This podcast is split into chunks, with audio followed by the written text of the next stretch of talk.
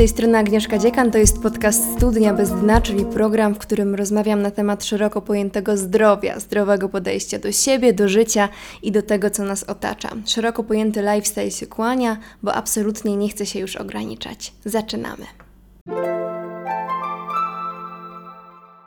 Coś mi się wydaje, że minęły trzy tygodnie od tego, jak udostępniłam ostatni odcinek podcastu, i ta przerwa była nieunikniona, ale nieplanowana, i nie ukrywam, że tęskniłam. E, ten odcinek, który dziś wypuszczam, jest odcinkiem, który już trochę czekał, ale na szczęście jest już moment, jego moment. E, dziś będziemy mówić o absolutnie kompleksowym podejściu do zdrowia. O podejściu, które bierze pod uwagę praktycznie każdą płaszczyznę Twojego życia, od psychiki aż po relacje i moja dzisiejsza gościni wprowadzi nas w świat ajurwedy, czyli tradycyjnej indyjskiej medycyny, która już w 1979 roku oficjalnie uznana została przez WHO jako jedną z koncepcji zdrowia i koncepcji terapii. Mm, to wiedza, która dociera do nas już coraz mocniej, ale na pewno potrzebuje jeszcze dużo czasu, aby w pełni i poważnie być traktowana. Mm, dowiemy się dziś innymi, jak rozpoznać naszą wiodącą doszę i czym w ogóle te dosze są. Będzie też sporo o rytmie dobowym i o tym, co powinniśmy robić w konkretnych porach dnia, tak aby było efektywnie, a czego po prostu nie robić, przełożyć i przeorganizować. Pigułka wiedzy o zdrowiu przed Państwem. Fajnie, że jesteście po tej krótkiej przerwie. Czas start i lecimy z tematem. Naprzeciwko mnie już teraz Monika Maciejewska, konsultantka Ayurvedy i instruktorka jogi. Cześć Monika. Cześć, cześć, witam serdecznie. Od razu przychodzi mi pytanie na myśl, czy jeżeli jesteś instruktorką jogi, to ta Ayurveda była po prostu oczywistą oczywistością? Nie na początku, znaczy by, była częścią zawsze mnie, znaczy nie zawsze, ale odkąd zaczęłam jogę praktykować, ta Ayurveda gdzieś tam się pojawiała. I w pewnym momencie chciałam uzupełnić moją praktykę o coś więcej, ponieważ z wykształcenia jestem psychologiem. Mhm. A, i, I ta praca z ciałem wymagała czegoś więcej niż tak naprawdę ciała i psychologii, a Ayurveda jest cała filozofia, jak mnie pociągnęła, więc ona tak szła w parze z jogą, ale w pewnym momencie po prostu wypłynęła trochę, trochę bardziej. Okej, okay, a kiedy do Ciebie dokładniej przyszła? Jak byłam w Australii tak naprawdę, tam... No mieszkałaś tam? Mieszkałam tam 5 lat i studiowałam. Fajnie. Tak, było cudownie i tam była y, szkoła w, nie, w mojej okolicy, ona się nazywała Australian School of Yoga and Meditation, czy mm -hmm, Meditation mm -hmm. Yoga, ASMY. I tam chodziłam na y, jogę i tam chodziłam na kirtan, czyli takie śpiewy, okay. mantry, śpiewanie mantr tak naprawdę. A to jest fascynujące, sposób. ciekawe. To było świetne, bo to była zawsze taka impreza dwa razy w tygodniu. Um, i, i tam, tam tak jakby poznałam Ayurvedę po raz mm -hmm, pierwszy, bo były mm -hmm. różne też wykłady na wyjazdach o Ayurvedzie i, i wtedy pomyślałam sobie, Boże, przecież to jest, to jest totalnie dla mnie i totalnie wyjaśnia też jakby moją y, konstytucję, czyli moje, to kim jestem, mm -hmm. jakoś tak, tak mnie to wtedy wciągnęło. No to już było, żeby nie skłamać z 7-8 lat temu. Okej, okay, no dobra, w takim razie czym dokładnie jest ta Ayurveda? Bo wiemy, że jest to jedna z najstarszych, tak, metod leczniczych, mm -hmm. dobrze to nazywam? Tak, tak, to jest tak mhm. naprawdę medycyna pochodząca z Indii. Tak samo jak mamy medycynę chińską, no to Ayurveda jest taką medycyną yy, z Indii. Okej. Okay. I tam wiele osób studiuje w ogóle ajurwedę jako taki kunszt medyczny i, y, i leczy w ten sposób. Mhm a inni studiują medycynę bardziej konwencjonalną, jakby co, taki podział jest. No Indie są ogromne, więc tam są różne nurty, ale wiele osób studiuje tą medycynę ajurwedyjską, leczy w ten sposób. Okay. W Polsce na razie nie ma takich studiów jak medycyna ajurwedyjska, mhm. ale są różne kursy ajurwedyjskie na konsultanta, prowadzone też często przez e, albo osoby, które się szkoliły w Indiach, albo w ogóle przez ludzi z Indii. Mhm. E, I to bardziej tak nakreśla taką filozofię filozofię yy, życia. Życia też, filozofię ciała, znaczy filozofię ciała, tego jaki, jakie jest ciało, w jaki sposób reaguje na świat zewnętrzny, jak można to zauważać, jak, jak, jak przez co generują się różne choroby. Mhm. Więc im bardziej się jakby tą filozofię ayurvedyjską rozumie, tym na więcej tak naprawdę obszarów można ją przenieść, bo okay. i na psychikę, i na ciało, i na codzienność, na relacje też, mhm. więc to jest bardzo ciekawe, że ona jest taka bardzo obszerna i taka...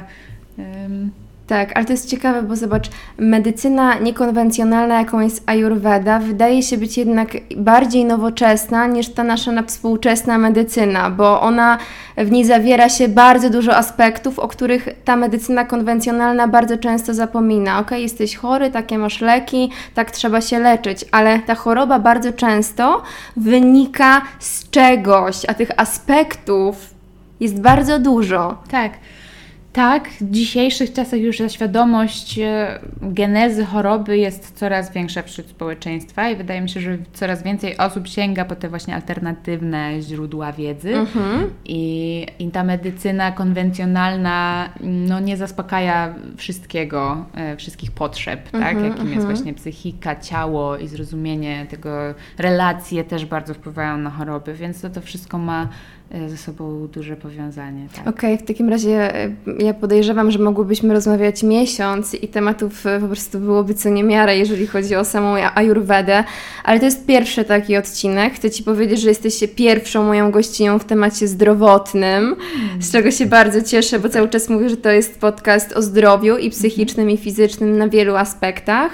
Mhm. Mm, więc Jakie są główne założenia Ayurvedy? Zróbmy takie totalne ABC dla osoby, która chce w to wejść, ale po prostu jest zielono. Mhm. Ayurveda bazuje na teorii um, Pancha Mahabhuta, czyli uh. teorii pięciu żywiołów. Okay. I tymi żywiołami są eter, powietrze, ogień, woda i ziemia. Mhm. Czyli od najbardziej subtelnego do najbardziej takiego materialnego, ciężkiego, można powiedzieć. I, I to jakby patrzenie na, na tą teorię mm, można zobrazować tak, że my jesteśmy takimi mikrokosmosami w makrokosmosie, czyli każdy z nas jest stworzony właśnie z tego samego co świat mhm. i na siebie oddziałujemy. No tak, na tak. nas, my na świat i mhm. tak jak energia i tak dalej. I te żywioły, te pięć żywiołów tworzy trzy dosze, które w Ayurvedzie to są takie zwane dosze, czyli hmm? te typy ciała, czyli że jeden jest bardziej Było tak, i, tak. i a druga osoba jest bardziej atletyczna. chuda, mhm. wysoka, trzecia osoba ma tendencję do przybierania wagi. Tak, no tak. To, to te typy ciała trochę odzwierciedlają te dosze. Ale tam jest też coś więcej. I ja oczywiście jest coś więcej, bo nie jesteśmy jednym, jesteśmy często zlepkiem. Znaczy w ogóle mamy wszystkie trzy dosze w sobie, bo mamy jesteśmy ze wszystkich żywiołów zbudowani, tylko tak. one w różnych proporcjach się układają. Okej, okay, a jak sprawdzić, e, jaką jestem, jaką mam tą wiodącą doszę? Bardzo ciężko tak naprawdę jest sprawdzić tą, to się nazywa prakriti. Okay. Prakriti to jest dosza, z którą się rodzimy. Mhm. A Vikriti to jest dosza, która zostaje tak jakby nabyta w ciągu życia przez to, jak żyjemy, przez to, co robimy i to, co się nam przytrafiło. To ona przyćmiewa trochę to od urodzenia, co mhm. mamy, powodują też różne choroby albo jakieś okay. e, zmieniamy się też pod względem ciała, mhm. więc nie zawsze to to od urodzenia, co mamy, bardzo trudno jest rozpoznać, a im jesteśmy starsi, tym trudniej tak okay, naprawdę. Okay. I to często wymaga albo bardzo wnikliwego takiego, takiej konsultacji, żeby wszystko sobie powiedzieć, jak, jak to było e, w dzieciństwie, jakie mieliśmy ciało w dzieciństwie, metabolizm w dzieciństwie, bo to się głównie dotyczy ciała, jeżeli chodzi o mhm. prakriti. Mhm. E, jakie mamy tendencje do chorób, to, to właśnie się bazuje na, na tym dzieciństwie głównie, z czym się urodziliśmy. No, ale bardzo często to vikriti, czyli to, z czym teraz się mierzymy, jest trochę ważniejsze z takiego względu, że no, to, jest teraz, z czym musimy sobie dzisiaj poradzić. Mhm. E, więc na to są testy, najlepiej zrobić, pójść na konsultację i okay. po prostu usiąść, przy, omówić wszystko, e, wszystkie aspekty, które wpływają na prakriti i na vikriti mm -hmm. i mhm. omówić też umysł, który jest w ogóle jeszcze trzecią odrębną taką... E, brzmi, słuchaj, skomplikowanie. Brzmi skomplikowanie, nie jest skomplikowane, jakby najłatwiej to narysować, żeby, okay. żeby mieć e, e, jakby wiedzę, jak to wygląda, tak sobie, nie wiem, ja lubię wizualnie na rzeczy mm -hmm. patrzeć. Ale ym, są testy online, które można zrobić. O, dobra, kurier. Mm. So, Są testy online, które można zrobić, y, ale one nie zawsze są y, dobre, bo one miksują prakriti z vikriti i wychodzi Okej. coś, co nie do końca jest zgodne z prawdą, czyli miksuje to, jakie jest ciało od dziecka z tym, jak co mamy teraz i Czyli często nie jest to miarodajne. Tak, coś, coś nie do końca prawdziwego i ludzie są często bardziej skonfudowani, a nie, a nie mają Okej, jasną czyli lepiej udać się po prostu do takiego konsultanta. Najlepiej się udać do konsultanta, jeżeli się chce mieć faktycznie prawdziwą taką odpowiedź, albo bardzo zacząć tak opicie zg- zgłębiać wiedzę ajurwedyjską. Wtedy im więcej się wie o tych doszach, tym, tym łatwiej się z siebie też określić. Mhm. E, Ale jest to o tyle trudne, że, że ja też na przykład przeczytawszy niejedną książkę o Ajurwedzie, dopiero po kursie związanym z Ajurwedą zrozumiałam tak naprawdę na czym polega różnica, jak to rozumieć i, Okej. i było to dla mnie bardzo, bardzo pomocne, aby sobie ustrukturyzować tą wiedzę. Powiedz mi, dlaczego w ogóle warto wiedzieć, jaką jesteśmy doszą? Dlaczego warto w ogóle w tą ajurwedę wejść? Co ona nam da? Co ona zmieni w naszym życiu? Mhm. Zmieni to, że się lepiej poznamy. Ja y, organizuję też takie wyjazdy, nazywam je do siebie, Mhm. bo na tych wyjazdach prowadzę warsztaty z ajurwedy i y, tak uważam, że, że wiedza ajurwedyjska pomaga właśnie wrócić do siebie, czyli poznać samego siebie, jakim się jest, jak się reaguje na rzeczy. Jeżeli ma się tendencję do, e, nie wiem, zaczerwienionej skóry, czy się nie lubi słońca, czy po zjedzeniu e, czegoś ciężkiego zawsze się czujemy po prostu jak 100 kg, że ten Tak. metabolizm nie działa tak, jak byśmy chcieli. Dlaczego tak jest? Co to może spowodować? Jakie choroby, e, jakie dolegliwości, czy cukrzycę, czy, czy e, nie wiem, insulinooporność teraz Mhm. przecież zatrzęsienie. No generalnie Tak. wszystko to można lepiej zrozumić, wiedząc jaką ma się doszę. Okej. Ale też poza tym fajnie jest e, zaobserwować swoje ciało też w przypadku pół roku czy pół dnia, ponieważ dosze, czyli energie tak naprawdę, one się zmieniają w ciągu roku i zmieniają się w ciągu dnia. I my też możemy zauważyć, że na przykład jeżeli śpimy do popołudnia, to, to wchodzimy w energię kawy, czyli tej ociężałej i niby spimy bardzo długo, ale jesteśmy zmęczeni.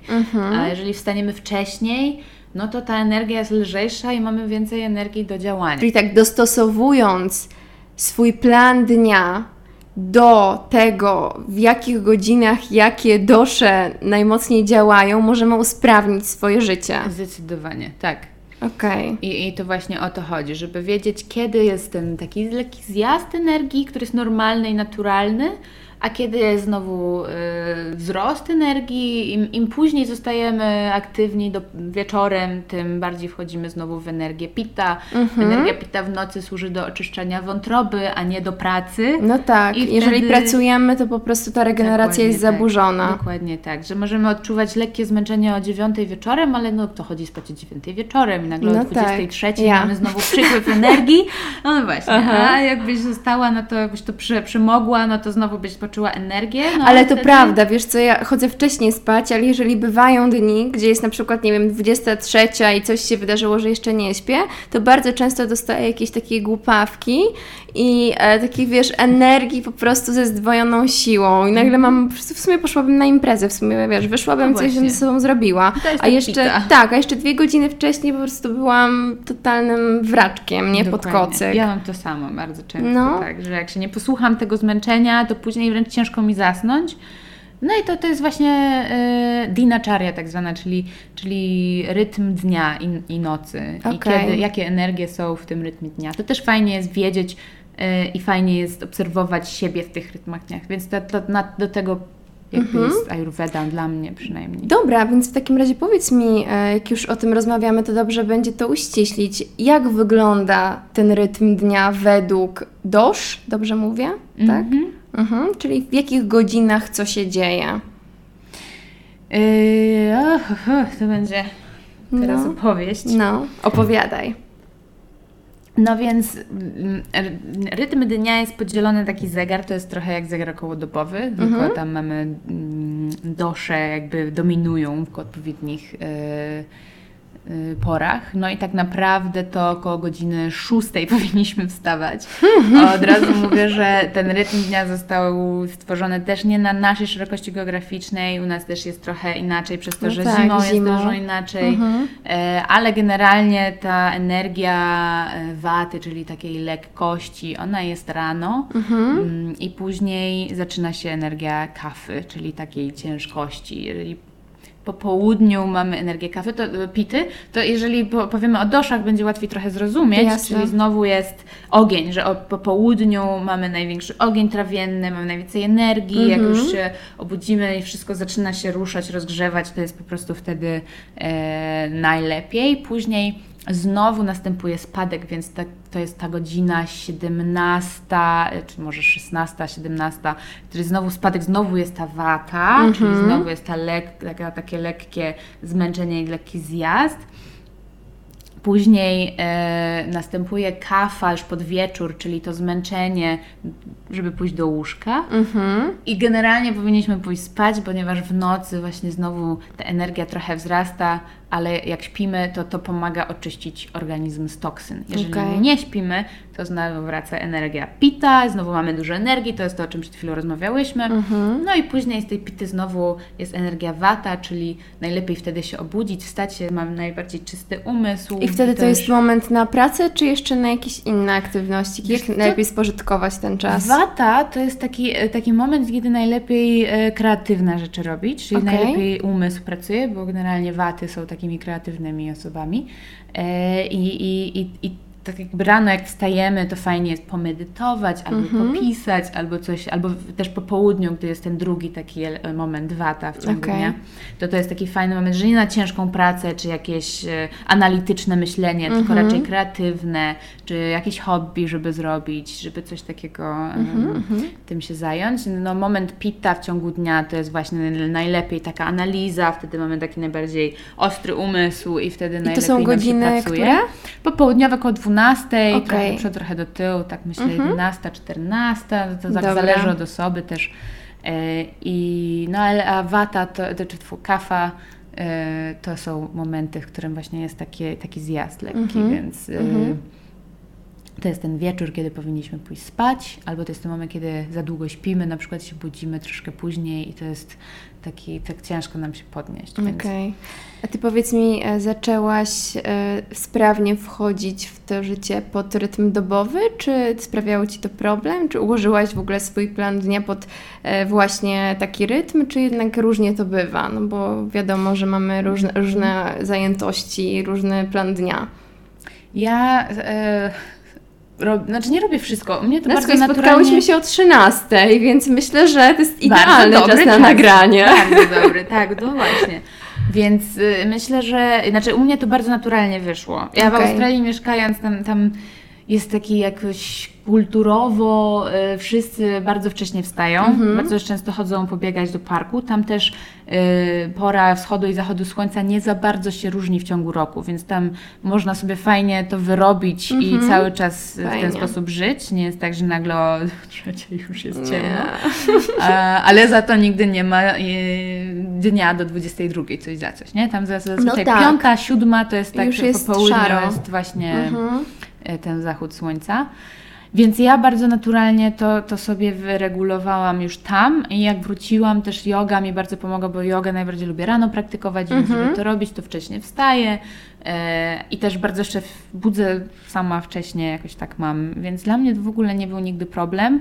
Bardzo trudno jest mi to u moich klientów niektórych zmienić, żeby e, wcześniej kładli się spać i wcześniej tak. wstawali, bo niestety, ale e, szczególnie kafy, albo Mhm. ludzie, którzy mają nadmiar kafy obecnie w swoim życiu, czyli tej takiej ociężałości, takiego e, zmęczenia, albo właśnie problemy z insulinoopornością, czy, em, czy z nadwagą, no to generalnie to są takie osoby, które lubią sobie dogodzić, lubią Mhm. długo posiedzieć e, przed tam, nie wiem, czy serialem, czy coś robić Tak, wieczorem. zasnąć na kanapie. Tak, I później odespać do popołudnia. No i Tak. to jest najtrudniejsze, żeby zmienić, bo to nie tylko trzeba zmienić, o której się chodzi spać, o której wstaje, ale też wszystko po drodze. Czyli No tak. jak się odżywiają, co robią, e, No jak to, to jest po prostu życie życie zmienione o 180 stopni. Dokładnie tak, ale to bardzo zmienia też ciało i to, jak się czujemy i wszystko. Więc u mnie to wyszło bardzo naturalnie i, i bardzo sobie to cenię, że mogę w ten sposób żyć, że nie mam pracy zmianowej, która się zaczyna o 22,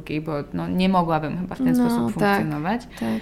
E, I, I polecam każdemu, żeby jakoś spojrzeć na to, o której właśnie kładzie się spać i o której ostatni posiłek je, to też bardzo wpływa Mhm. Ale myślisz, że to jest kwestia mm, takiego wyrobienia nawyku, że jeżeli ludzie chodzą spać wiesz o drugiej w nocy, to są w stanie wyrobić e, sobie ten wcześniejszy sen? Myślę, że tak. Myślę, że tak. Znam przypadki, które bardzo się wzbraniały, Mhm. ale może to była też presja otoczenia, bo znajdowały się w takim otoczeniu ludzi, którzy to też zaczęli trochę wcześniej chodzić spać. Te imprezy już nie trwały do drugiej w nocy, tylko raczej tam do 11 max. No I, tak. I tak e, widzę, że, że jest naprawdę progres, o które chodzą spać, o której wstają. Mhm.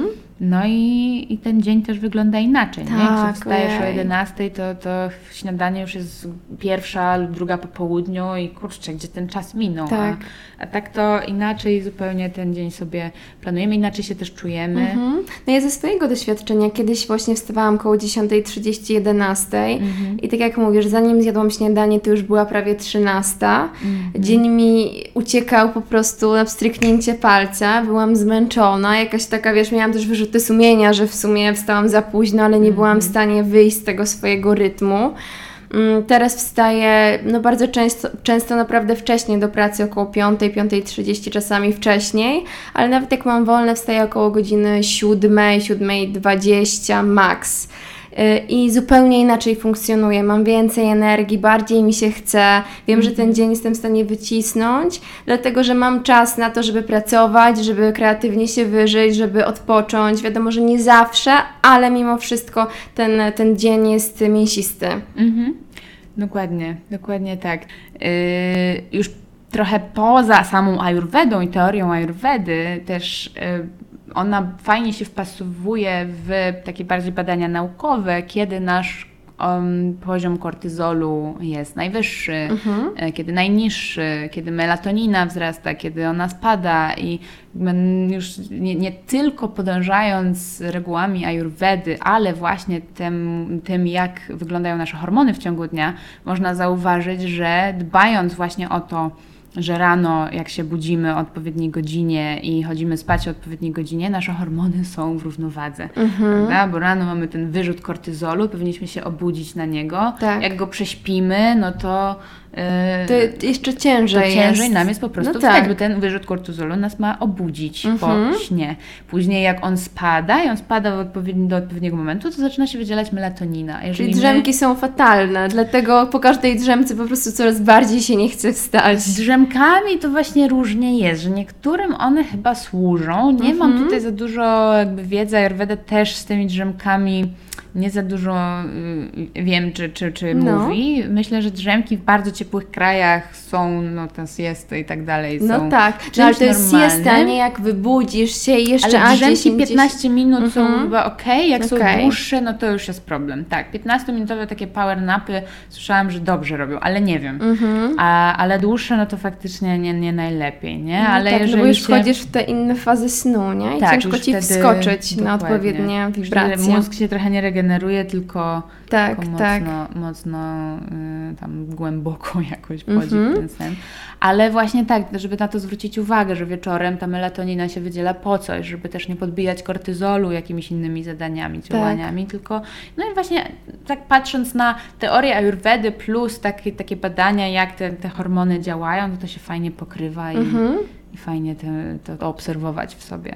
No dobra, powiedziałyśmy o rytmie dobowym, o doszach też mówiłyśmy, więc teraz pora w te dosze wejść e, i trochę je opisać. Teraz znowu będziesz opowiadała. Dobrze, bardzo chętnie.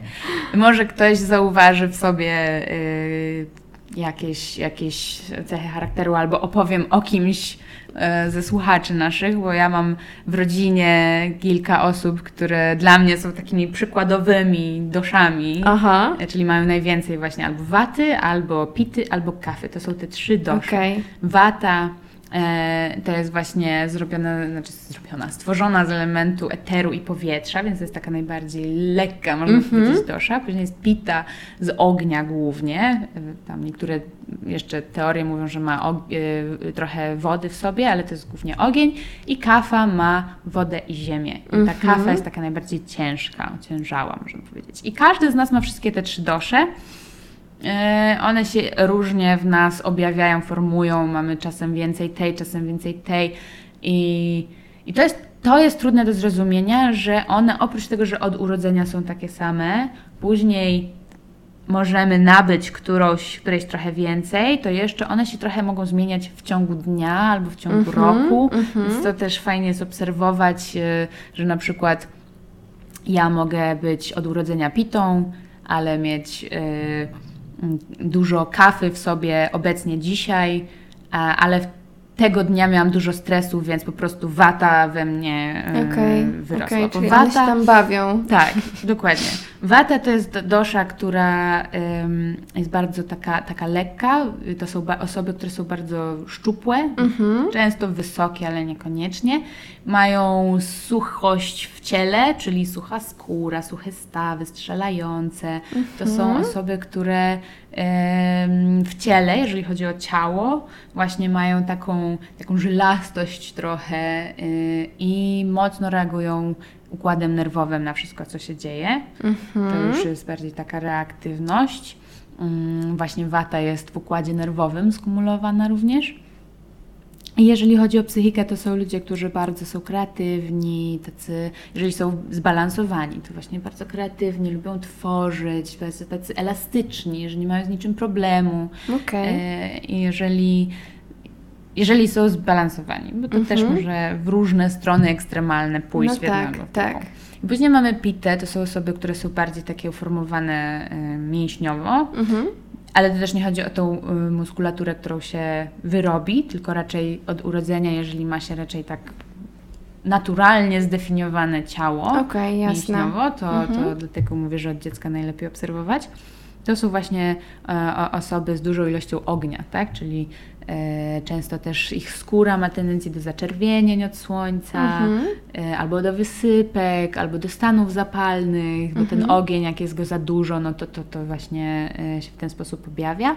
E, I no, ogień to jest też właśnie krew, Ogień to jest też trawienie, bo to jest transformacja tego, co jemy w wartości odżywcze, w energię, w pranę i tak dalej, więc ogień transformuje i to jest też w żołądku skumulowane. A psychicznie pity są bardzo takie mm, stanowcze, dobrze, dobrze zarządzają, bardzo takie skoncentrowane na cel, e, bardzo ambitne, takie, te, to są takie osoby, Bardzo które... konkretne chyba. Tak, w, w korporacjach czy gdzieś bardzo dobrze się czują, bardzo dobrze dociągają projekty do końca, są czasami takie trochę bossy, no, i tak, no ale to są typowi te, tacy, tacy menadżerowie, szefowie, nie? Okej. I, I się dobrze w tym czują. To, to za chwilę powiem, jak inne osoby mogą się w tym też odnaleźć. No i kafy to są osoby, które mają najbardziej taką...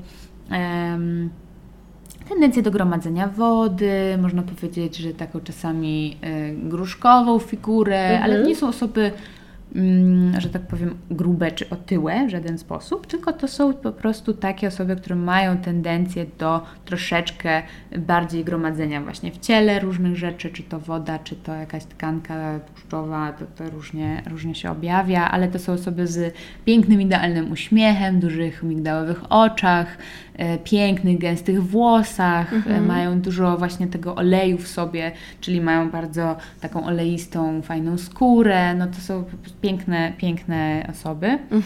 E, A psychicznie to są osoby, które mocno są takie osadzone, zbalansowane, spokojne, sko- skoncentrowane na rodzinę, więc można sobie wyobrazić, może w rodzinie ktoś jest taki właśnie, kto jest taki bardzo stonowany, opiekuńczy, dający, spokojny, no i to jest właśnie typowa kafa. Kafa, Tak. okej.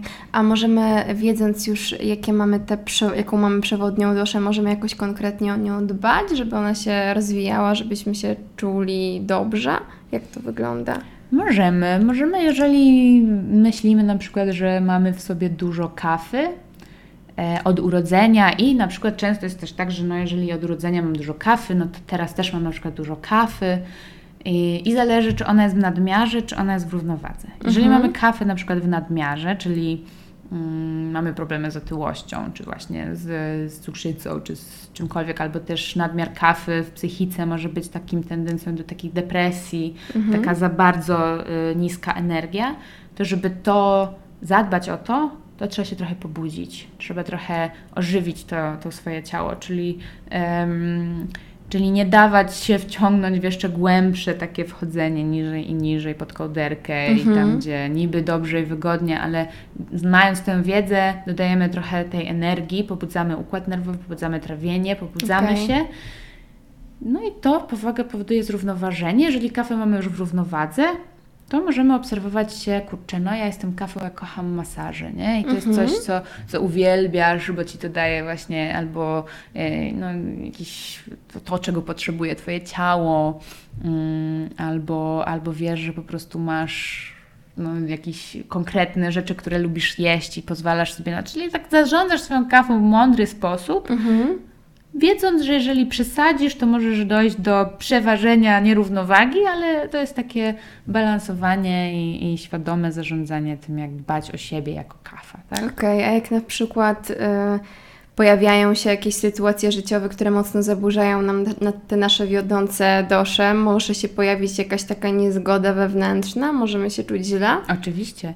Jeżeli ktoś jest naturalnie, załóżmy kafą właśnie, pojawi się bardzo trudna sytuacja życiowa, powodująca bardzo dużo stresu, stres reaktywny układ nerwowy zaczyna się, e, zaczyna działać i pojawia się bardzo dużo waty.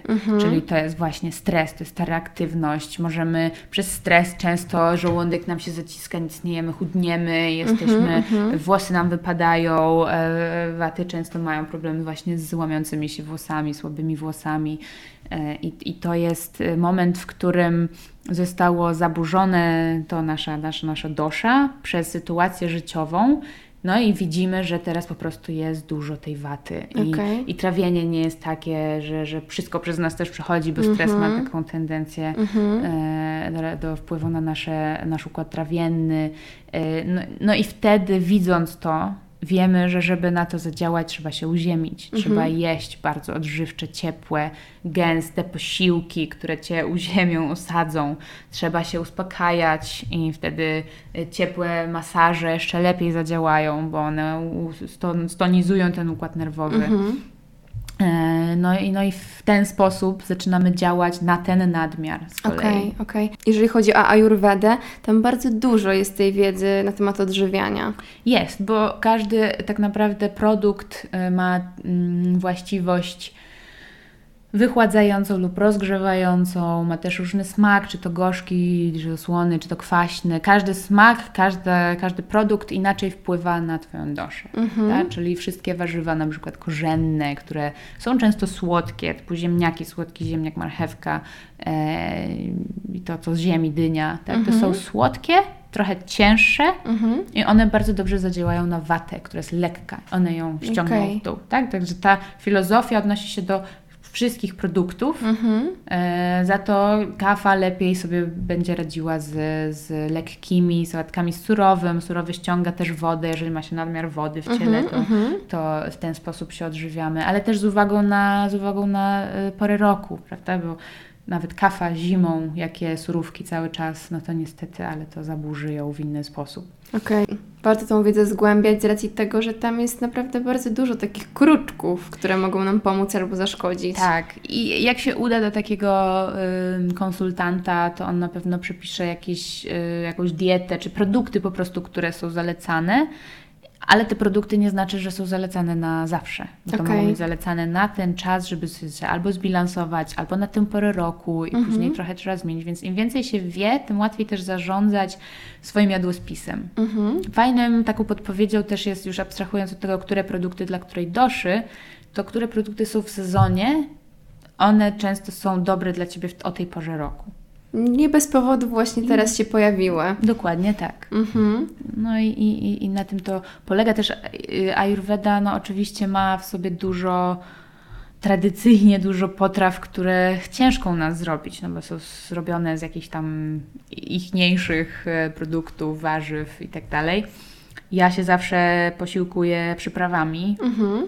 ale same produkty biorę nasze polskie i często jem, czy to ziemniaki młode, jak są, czy to bób, e, czy to robię kary, ale zrobione z e, czegoś lokalnego e, w środku, więc to jest takie trochę łączenie naszego polskiego dziedzictwa i kultury i zasobów i wszystkiego, co my mamy tutaj, z, z tą wiedzą ajurwedyjską, co ona nam daje, co może dać, żebyśmy się w tym świecie tutaj odnaleźli. Okej, czyli mm, chcesz powiedzieć, że jeżeli żyjesz w zgodzie właśnie z tą medycyną ajurwedyjską, ona może zaprowadzić Cię do takiego mm, totalnego dobrostanu i momentu, w którym choroby będą mniej prawdopodobne w Twoim życiu? Myślę, że tak. Po sobie to widzę, że jeżeli się coś pojawia, to często wiem dlaczego. Okej. E, I że nie, nie, jakby z, z, z trochę ten przypadek e, już, już, już nie ma przypadków w moich dolegliwościach. Ale to jest niesamowite, nie? Że im większa świadomość i taka umiejętność obserwacji siebie, tym bardziej nie potrzebujesz innych, żeby ci powiedzieli, co jest, bo ty widzisz, ty czujesz, po prostu wszystko, co się dzieje w twoim życiu, to, to dociera do ciebie tak naprawdę. Tak. No i, i im więcej się wie, tym bardziej się też ta samorefleksja, samoobserwacja jakoś jest łatwiejsza. Tak. I, i, wszystko się jakoś tak układa w, w całość. Ja teraz sama obserwując też t- moich tam przyjaciół, rodzinę, znajomych, klientów, widzę jak, jak to ma sens, jak to wszystko się łączy w, w całość. Wszystkie choroby też mają jakąś swoją genezę. Wszystkie choroby też są przyporządkowane do pewnej doszy. Yy, I, I widzimy, że no dobra, jak jest ta choroba, to faktycznie, bo jest nadmiar tej doszy i trzeba zareagować w ten i ten sposób. I to Tak. po prostu daje jasne odpowiedzi. Mhm. No, medycyna współczesna to jakieś, e, nie wiem, 300 lat, może, może się mylę, ale mniej więcej. Mniej więcej. A e, medycyna ajurwedyjska to jakieś 7 tysięcy lat, niecałe. Powiedz mi, czy uważasz, że mm, te dwie medycyny mogą ze sobą współgrać? Myślę, że mogą. Myślę, że fajnie jest się posiłkować współczesną medycyną i Ale posiłkować. Posiłkować? Tak, tak, posiłkować, bo no, wiemy, że współczesna medycyna po prostu ma mm, za zadanie wyleczyć, często wyleczyć objawy, a nie wyleczyć źródło problemu. No właśnie. Więc żeby zrozumieć swój, żeby, diagnostyka jest świetna. Diagnostyka, chirurgia, jak uważam, że, że to, jest, to jest niesamowite to, co się dzieje i to może iść w parze z ayurvedą, ale często pomijany jest bardzo wiele ważnych aspektów po prostu, ale no to ciężko by było teraz wprowadzić to w życie chyba e, takiej współczesnej medycyny jakieś założenia ajurwedyjskie, bo może się okazać, że za dużo ludzi byłoby zdrowych i to wtedy... No ni- Niestety myślę, że tak jest. Kurczę, no tak jest. Wiesz, jest za duży nacisk na to, żeby sprzedać konkretne leki, konkretne produkty, żebyśmy nadal, nagle powiedzieli, słuchajcie, nie potrzebujecie tego, wystarczy o siebie zadbać, jeść sezonowo, mieć coraz większą świadomość, obserwację siebie i być może nie będziesz tego wszystkiego potrzebował. No to byłby upadek totalny. Tak, tak. No i bardzo mnie mm, boli czasami taka właśnie y, też y, diagnozują ludzi na, na dożywocie jakieś choroby. Moja babcia w wieku 80 lat została diagnozowana z, z rakiem pęcherza i e, złośliwym. I myśmy właśnie też no, zmienili jej dietę, zaczęli suplementy e, w nią ładować i no i moja babcia wyzdrowiała. Poszła na badania, na badaniach nic nie wyszło, ale lekarz jej cały czas mówi, że ona jest chora, i że ona, że ona ma raka i że tam to badanie jakby na pewno nic się nie myli, albo że, że to badanie to musiało jak... No, no, no generalnie cały czas ją karmi tą wiedzą, że ona jest chora. Tak. I my musimy jej powtarzać, że nieważne co ci mówi, ważne jak się czujesz. Ale to jest, wiesz co, to jest niesamowite. Ja No. pamiętam, jak e, kilka lat temu miałam problemy dość duże e, hormonalne, jeszcze w sumie sobie to prostuję, ale lekarz mi powiedział, że jeżeli nie zacznę brać leków, to nie będę miała miesiączki. Jakby nie ma szansy, muszę zacząć brać leki, bo tam nic nie pracuje. No ja dałam sobie taki deadline, pamiętam to był, nie wiem, wrzesień do końca roku, że zrobię wszystko, co mogę naturalnymi sposobami. Jeżeli nie wróci, to zacznę brać leki. Mm, I naprawdę zaczęłam bardzo mocno zgłębiać e, tą tematykę zdrowotną i powiem Ci, że po czterech miesiącach takich naturalnych sposobów wszystko wróciło. Poszłam do lekarza i wszystko było po prostu, wiesz, książkowe. A usłyszałam jasno, bez tabletek, bez hormonów nie przejdzie, no musi Pani je brać, więc Oj. to dużo pokazuje. Ja z tym bardzo rezonuję. Sama miałam dokładnie ten sam problem. Yy, Ja przez 6-7 lat się borykałam z tym problemem. Mhm. I lekarze mi też mówili, że ja muszę, muszę wziąć tabletki. I ja w końcu się złamałam i wzięłam. E, tylko, że jak tylko je odstawiałam, to po prostu znowu kamień w wodę, nie? No właśnie tak, ja miałam kilka lat wcześniej ten problem, że Mhm. brałam leki, tylko że ja po odstawieniu po prostu zaczęło być coraz gorzej, więc wiedziałam, że no nie wyobrażam sobie brać po raz kolejny to, żeby poczuć się lepiej i później przy odstawieniu znowu przechodzić to samo, bo byłoby dokładnie tak samo. No. Ja no, dokładnie miałam to samo i wiedziałam, na czym to polega. W ogóle problemy z miesiączką to są choroby waty, czyli Mhm. zaburzenia właśnie y, z regularnością, z cyklicznością, za dużo stresu. Wata, stres, Wiesz co, pobudzony ja- nerwowy. Wszystko, co mówisz, e, jak słucham Ciebie, to tak, ja jestem watą. Wszystko się zgadza, zdecydowanie tak.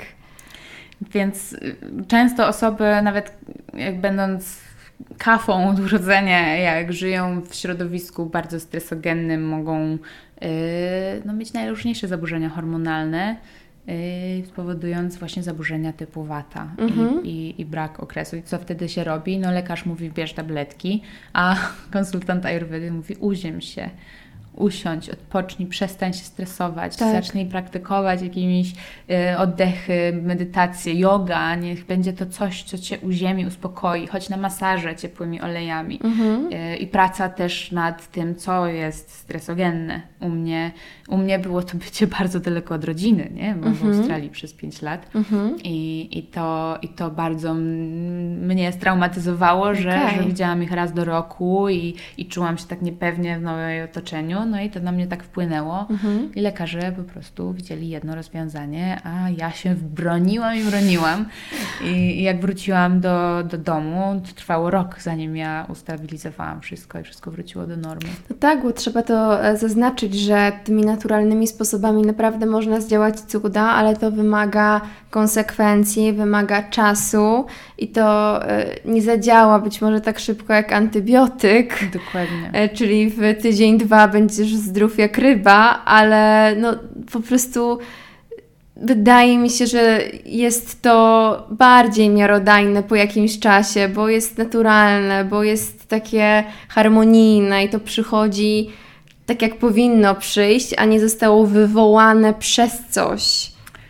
Tak, i ja, ja głęboko wierzę w to, że gdybym wtedy się złamała i brała hormony do dzisiaj, mogłoby tak być, to mogłabym mieć zupełnie inne problemy zdrowotne, ponieważ główny problem nie byłby zaadresowany, Tak. tylko przysłonięty rozwiązaniem brać hormony i Tak. pomóc ciału w ten sposób. Ale problem wciąż Ale jest. problem wciąż by był. I o to Mhm. chodzi, że, że no niestety trzeba było spojrzeć prawdzie w oczy i powiedzieć sobie, kurczę, no nie służy mi bycie tak daleko od rodziny, muszę wrócić, muszę się znowu uziemić i wrócić do mojego gniazda domowego, rodzinnego, do mojego Mhm. plemienia, jak to nazywam, bo bycie z dala od swojego plemienia też jest takie bardzo e, pobudzające i takie właśnie e, wywołujące tą niepewność w życiu. No i, i, wiedziałam, że to muszę zrobić. I, i jak to zrobiłam, no, no tak, no, wszystko wróciło do normy, Hmm. czyli moja teoria była prawdziwa. Zresztą e, piszę o mojej historii na moim blogu odżywsie.pl, tam można zobaczyć, jak ja sobie z tym poradziłam i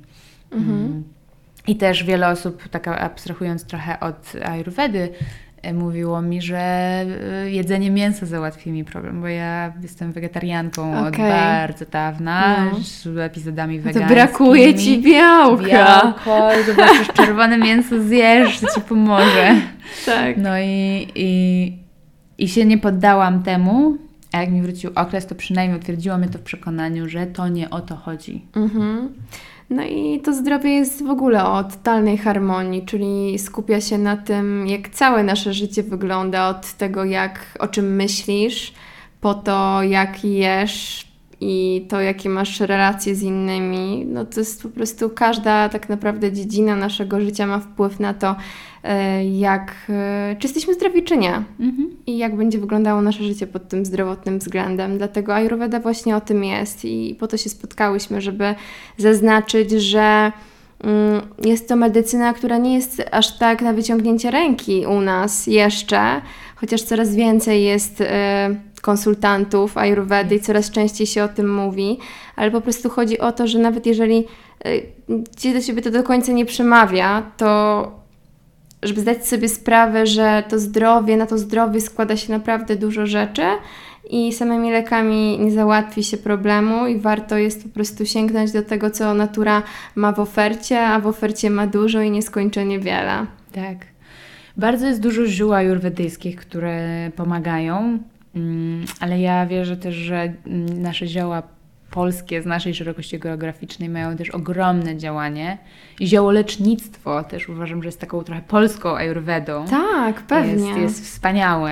Ja za mało na razie wiem o polskich ziołach, wiadomo, jakieś tam podstawy mam, Mhm. ale, ale to jest tak niesamowicie głęboka wiedza, jak to działa, że można wiele ziół e, polskich przypisać pod działania ajurwedyjskie i stosować tym samym zamyśle, tylko po prostu nie pozyskiwać ich z innego kontynentu, tylko, Tak, tylko mieć lokalnie. świeżutkie u nas lokalnie, które czasami rosną naprawdę w, w lesie obok. Dokładnie, napary, czy herbatki z tego robione, czy y, mielone i, i spożywane w całości, to, to na tym samym polegają zioła ajurwedyjskie, które ja stosuję też obecnie, bo wiem jak działają, trochę w tym lepiej się odnajduję, ale te polskie również mają niesamowite działanie.